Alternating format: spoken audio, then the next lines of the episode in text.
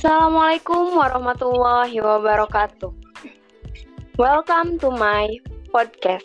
Berbagi rasa dalam kata, mencari makna dalam cerita. Let's enjoy the voice note. Pada episode ketiga ini, saya tidak sendiri. Saya ditemani oleh narasumber yang sangat luar biasa. Beliau adalah guru saya yang sudah sangat tidak diragukan lagi kepiawaiannya dalam dunia public speaking, yaitu Bapak Iin Solihin SPD MPD. Beliau merupakan founder dari Plat Biru, yaitu pelatihan berbicara di depan umum. Nah, kita kupas tuntas tips and trick bagaimana menjadi diri kita yang mahir dalam public speaking. Nampaknya narasumber sudah bergabung bersama kita. Assalamualaikum Bapak, apa kabar? Waalaikumsalam warahmatullahi wabarakatuh. Alhamdulillah luar biasa Allahu Akbar. Alhamdulillah. Nah, sebelumnya saya ucapkan terima kasih telah berkenan untuk hadir di podcast ini. Dan terima kasih telah bersedia berbagi ilmu kepada kita semua. Gitu ya Pak ya? Siap Bu, oke. Sesuai dengan temanya yaitu public speaking. Nah, bagaimana tips dan trik agar kita mahir dalam public speaking gitu Pak? Nah, mangga okay. Bapak silakan langsung saja topik yang sangat menarik Bu ya tentang public speaking. Uh, sebelum ke tip dan triksnya, uh, kita harus paham dulu sebetulnya nama lain dari public speaking. Biasanya orang-orang memanggil uh, sebutan tersebut bukan hanya public speaking, ada juga yang mengatakan communication verbal, kemudian oral communication, bahkan di Indonesia sendiri itu namanya retorika. Artinya uh, kemampuan seseorang dalam menyampaikan informasi kepada orang lain itu adalah yeah. Iya. uh, dasar public speaking.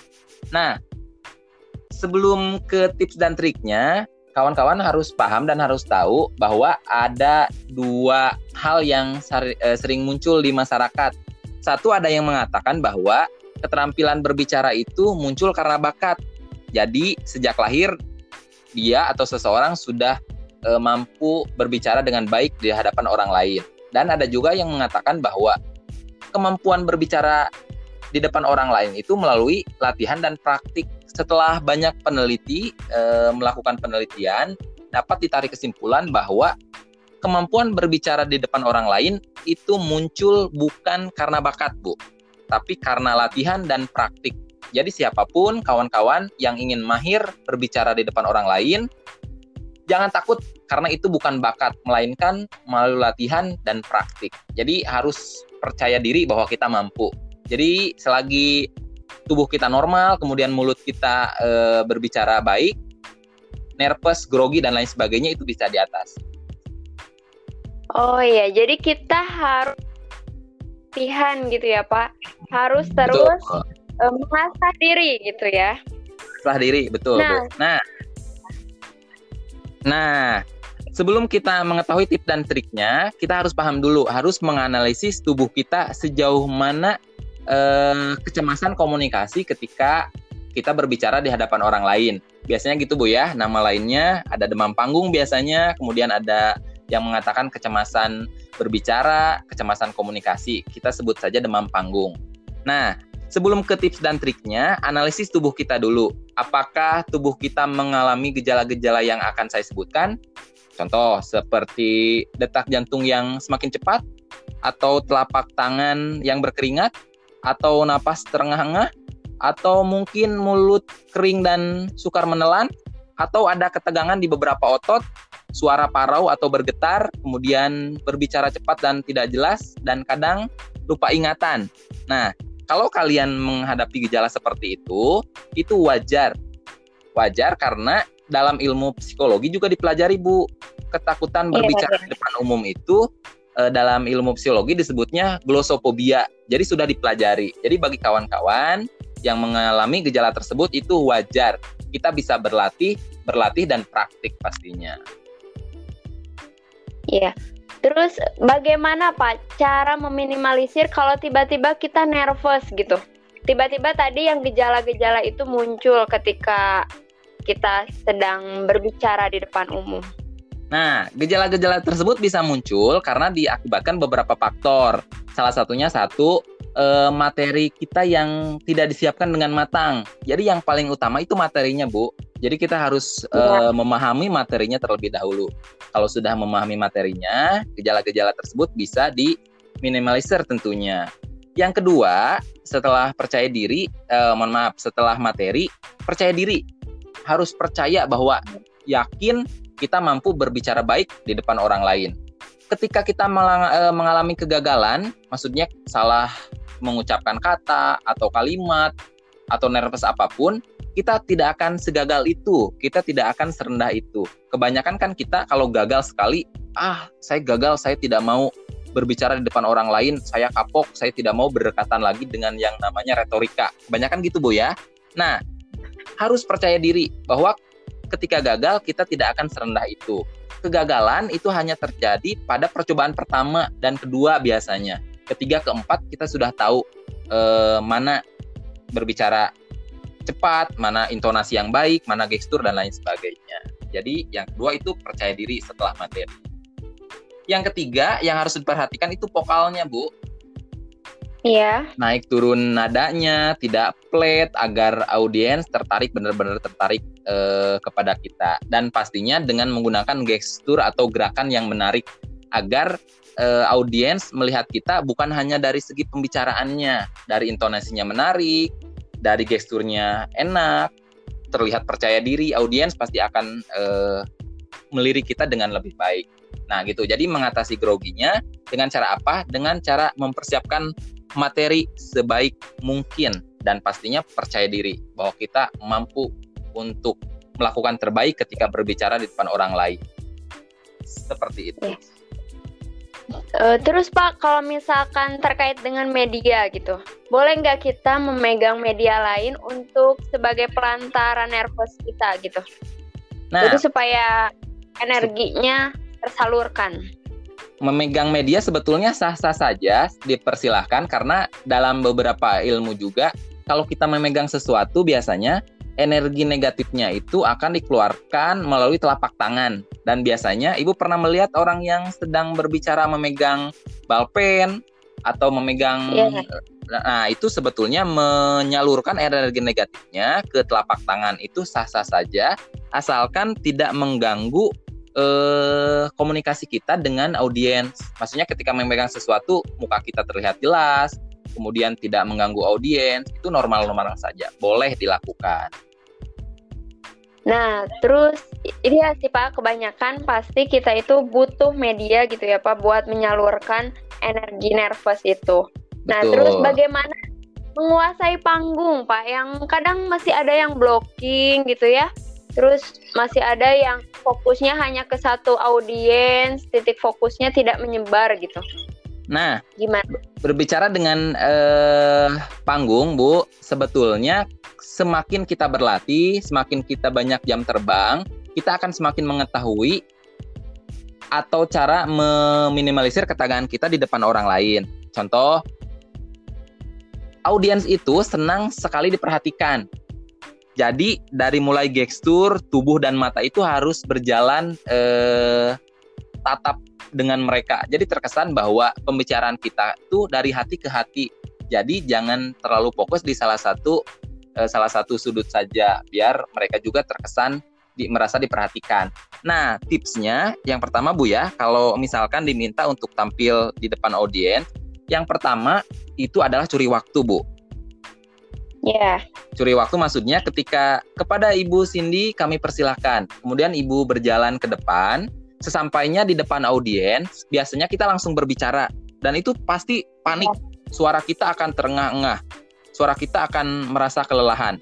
Nah, tipsnya adalah curi waktu, Bu. Ketika kepada Ibu Cindy kami persilahkan. Kemudian Ibu berjalan di depan audiens, jangan dulu berbicara. Gunakan 3 sampai 5 detik untuk mencuri waktu. Seperti apa mencuri waktunya? Boleh kita membetulkan jam tangan dulu atau membetulkan posisi mic atau membetulkan pakaian. Pernah Ibu melihat ada orang-orang yang ketika diminta untuk tampil ke depan uh, dia tuh tidak langsung berbicara tapi melakukan hal-hal yang tadi saya sebutkan. Pernah lihat Bu ya? Menggunakan ya, uh, membetulkan jam tangan. Sebetulnya jam tangannya sudah betul, tapi dia membetulkan jam tangan. Betul ya? Membetulkan pakaian itu mencuri waktu. Yang kedua, atur napasnya, Bu. Ketika mencuri waktu, atur napas sedalam-dalamnya agar pembicaraan kita tidak terbatas tengah-tengah. Jadi ketika membetulkan jam tangan, kita atur tuh napasnya. tarik, keluarkan, tarik, keluarkan. Baru kemudian ber, beraksi. Itu salah satu tips kecil ketika berhadapan dengan audiens. Jadi tidak langsung berbicara gitu. Jadi ngambil jeda. Gitu ya, Pak ya?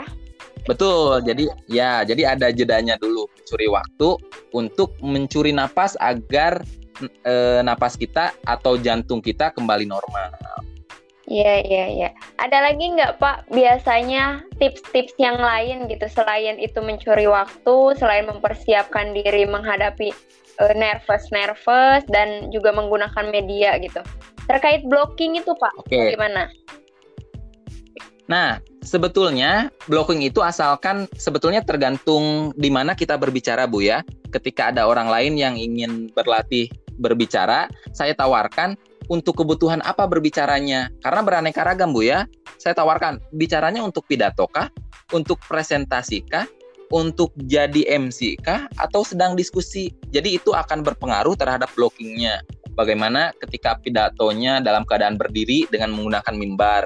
Bagaimana pidatonya hanya stand mic saja. Jadi itu sangat-sangat berpengaruh. Jadi tergantung kita berbicara dalam hal apa dulu, baru kita akan lebih spesifik.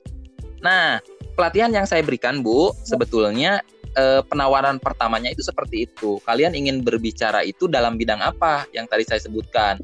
Apakah mau bidang pidato, presentasi, MC dan diskusi? Karena semua komponen tadi itu berbeda. Kalau sudah ditentukan, baru kita akan tahu perihal blocking dan lain sebagainya. Itu harus ada part kedua sebetulnya Bu ya, biar nanti lebih detail kita. Ini kan hanya sebatas teori saja. Iya betul betul menarik Pak, menarik sekali ya bagaimana caranya kita menjaga diri kita gitu agar tetap powerful gitu ya Pak ya intinya ketika berhadapan dengan orang. Terus Pak kalau misalkan move gitu dari satu tempat ke tempat yang lain, apakah itu ada jeda waktunya supaya nggak terlalu sering gitu Pak? Apa gimana Pak baiknya?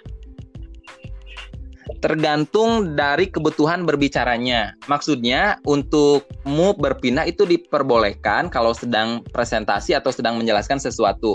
Kalau move berpindah dari satu tempat ke tempat lain kan tidak eh, diperbolehkan ketika kita sedang acara formal seperti mengisi pidato dan lain sebagainya. Makanya yang tadi saya katakan Bu, kebutuhan e, berbicaranya di mana dulu gitu. Ditakutkan um, si pembicaranya tidak tahu kondisinya. Contoh dalam pidato formal, kemudian dia move dari satu tempat ke tempat lain kan itu juga tidak diperkenankan sebetulnya. Bisa kita menguasai panggung hanya dengan tatapan wajah juga bisa. Nah, tipsnya nanti saya akan berikan bagaimana ketika kita di satu tempat, audiens yang banyak, tapi kita bisa menguasai panggung tersebut. Uh, iya, luar biasa, Bapak. Bapak, ini ada titipan pertanyaan dari beberapa teman. Siap. Ya, mengenai yang pertama, boleh tidak pakai teks katanya gitu ketika berbicara di depan umum itu. Nah, baik tidak mungkin sah, gitu ya. Sah saja oke. Okay. Sah-sah saja Bu ya menggunakan teks karena itu salah satu metode berbicara.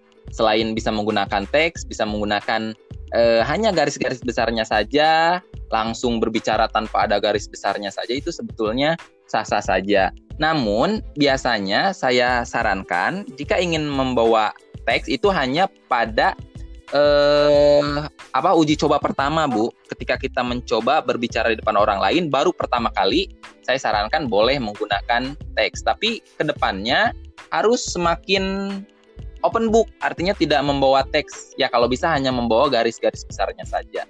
Karena kita tahu kebanyakan yang membawa teks itu biasanya acara-acara formal pidato kepresidenan, kemudian pidato menteri, biasanya mereka harus seruntut itu berbicaranya. Tapi kalau kita berbicara betul, kalau berbicara lain ya boleh saja menggunakan teks. Tapi selagi kita mampu mengeksplor diri kita, mengembangkan kalimat, mengembangkan kata, ya hindarilah menggunakan uh, menggunakan teks. Minimalnya hanya menulis garis-garis besarnya saja untuk melatih uh, kemampuan kita menghadapi audiens gitu. Oh, iya.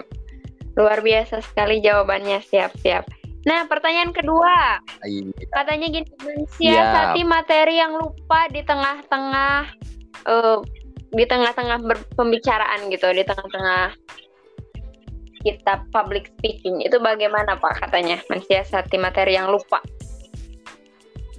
Nah, itu disebabkan karena faktor yang tadi saya sebutkan sebetulnya, Bu. Kita materinya tidak siap, kondisi tubuhnya sedang panik, kemudian takut ditertawakan, terus banyak nervous ke dalam tubuh kita, sebetulnya itu harus bisa terjadi hanya e, percobaan pertama dan kedua itu bisa seperti itu. Tapi kalau ketiga keempat dibiasakan itu akan menghindari hal-hal sedemikian rupa. Jadi caranya dengan apa? Dengan berlatih, berlatih dan berlatih dan tentunya meningkatkan kepercayaan diri dan materi yang harus kita siapkan. Kalau materinya sudah siap, percaya dirinya tinggi, hal-hal tersebut bisa sebetulnya diminimalisir. Kalaupun memang terjadi demikian, makanya pada awal-awal pembicaraan, alangkah lebih baiknya kita membawa garis-garis besarnya. Jadi ketika kita berbicara, lupa di sebelah mana kita berbicaranya, itu bisa diminimalisir. Kalau tetap kejadian, sebetulnya kita bisa mengalihkan dengan menjeda terlebih dahulu seperti membetulkan sesuatu yang memang kelihatannya tidak disengaja. Sambil membetulkan sesuatu, sambil kita berpikir tadi saya sampai mana ya berbicaranya sebetulnya seperti itu. Karena semakin tinggi jam terbang kita, kita akan semakin tahu di mana sih sebetulnya kekurangan-kekurangan kita, bagaimana sih cara mengatasinya, kita akan menemukan sendiri sebetulnya. Oh iya, jadi kembali lagi ke persiapan gitu ya Pak ya untuk jasa. Betul persiapan. Terus ini Pak ada pertanyaan lagi yang terakhir katanya boleh tidak ice breaking ketika public speaking? Ice breaking itu ice break hmm, boleh tidak? Diperbolehkan saja asalkan ketika sedang apa berbicaranya kan sebetulnya gitu ada syarat-syarat tertentu untuk melakukan ice breaking sebetulnya Bu e, kalau misalkan keadaannya memungkinkan waktunya masih banyak kemudian tidak di outdoor, tidak dalam keadaan panas, ruangannya nyaman, itu silahkan-silahkan saja. Tapi ketika kondisinya tidak memungkinkan, kondisinya panas atau tidak ada AC, bahkan kipas tidak ada, kemudian audiens sudah terlihat kegerahan, nah itu sebetulnya disarankan untuk tidak melakukan ice breaking. Itu di eh, sedemikian rupa. Jadi tergantung situasi dan kondisinya. Ketika apa kita berbicara, seperti apa keadaan panggungnya, seperti apa keadaan audiensnya itu juga menentukan untuk ice breaking sebetulnya. Jadi kalau misalnya mau menerapkan ice breaking itu harus melihat konteks pembicaraannya juga berarti ya Pak ya? Betul, satu konteks pembicaraan, yang kedua konteks audiens, yang ketiga ini nih ruangannya tadi te, eh, di luar atau di dalam panas atau tidak memungkinkan atau tidak itu juga harus sebetulnya harus dicermati sedemikian rupa. Jadi analisis panggung sebelum kita eh, berbicara di hadapan orang lain. Kan ada nanti kita belajar bu ya. Kalau ada part keduanya kita akan belajar analisis. Kemudian kita akan belajar untuk menentukan pembahasan cara kriteria menentukan topik merumuskan judul menentukan tujuan, mengembangkan ide, mencari garis-garis besar pidato, cara menutup pidato, cara membukanya, karakteristik vokal, pemilihan kata, jenis halayak, di dalam atau di luar ruangan, jenis pendidikan, audiens, dan lain sebagainya. Masih banyak yang perlu kita bahas. Siap, siap, siap. Berarti ini mah hanya pembuka begitu ya Pak ya? Hanya perkenalan saja ini mah ya Pak. Betul, hanya Ternyata sepanjang itu. Nah, nanti ke depannya yeah. kita tentukan berbicara dalam konteks apa, pidato kah, presentasi atau apa, baru kita analisis satu persatu. Kalau sekarang kan kita berbicara masih konteks retorika umum, yang penting eh, mahir saja berbicara di depan orang lain. Iya, baik, baik. Baik, Bapak, itu pertanyaan dari teman-teman. Mungkin sekarang boleh Bapak memberikan final statementnya untuk kita semua. Silahkan, Bapak. Siap bagi kawan-kawan yang ingin mahir atau berlatih berbicara di hadapan orang lain, jangan takut karena sekali lagi kemampuan berbicara di depan umum itu muncul karena latihan dan praktik bukan muncul karena bakat. Jadi siapa pun orangnya bisa dilatih untuk bisa percaya diri di hadapan orang lain.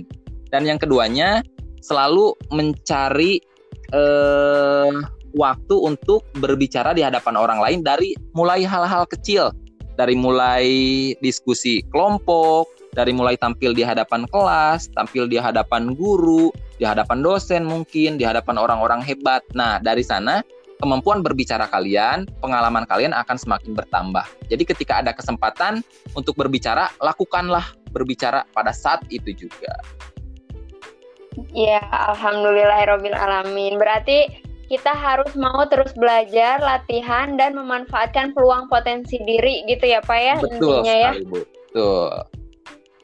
Ya, sekali lagi Bapak terima kasih banyak telah meluangkan waktu bersama kami, berbagi tips dan trik dan ilmu mengenai public speaking. Mungkin nanti ada part keduanya ya Pak ya? Siap, harus Insya ada. Allah. Ya, begitu saja teman-teman untuk podcast pada siang hari ini. Jangan lupa ikuti podcast episode-episode selanjutnya. Mohon maaf apabila ada kesalahan. Wassalamualaikum warahmatullahi wabarakatuh. Waalaikumsalam warahmatullahi wabarakatuh.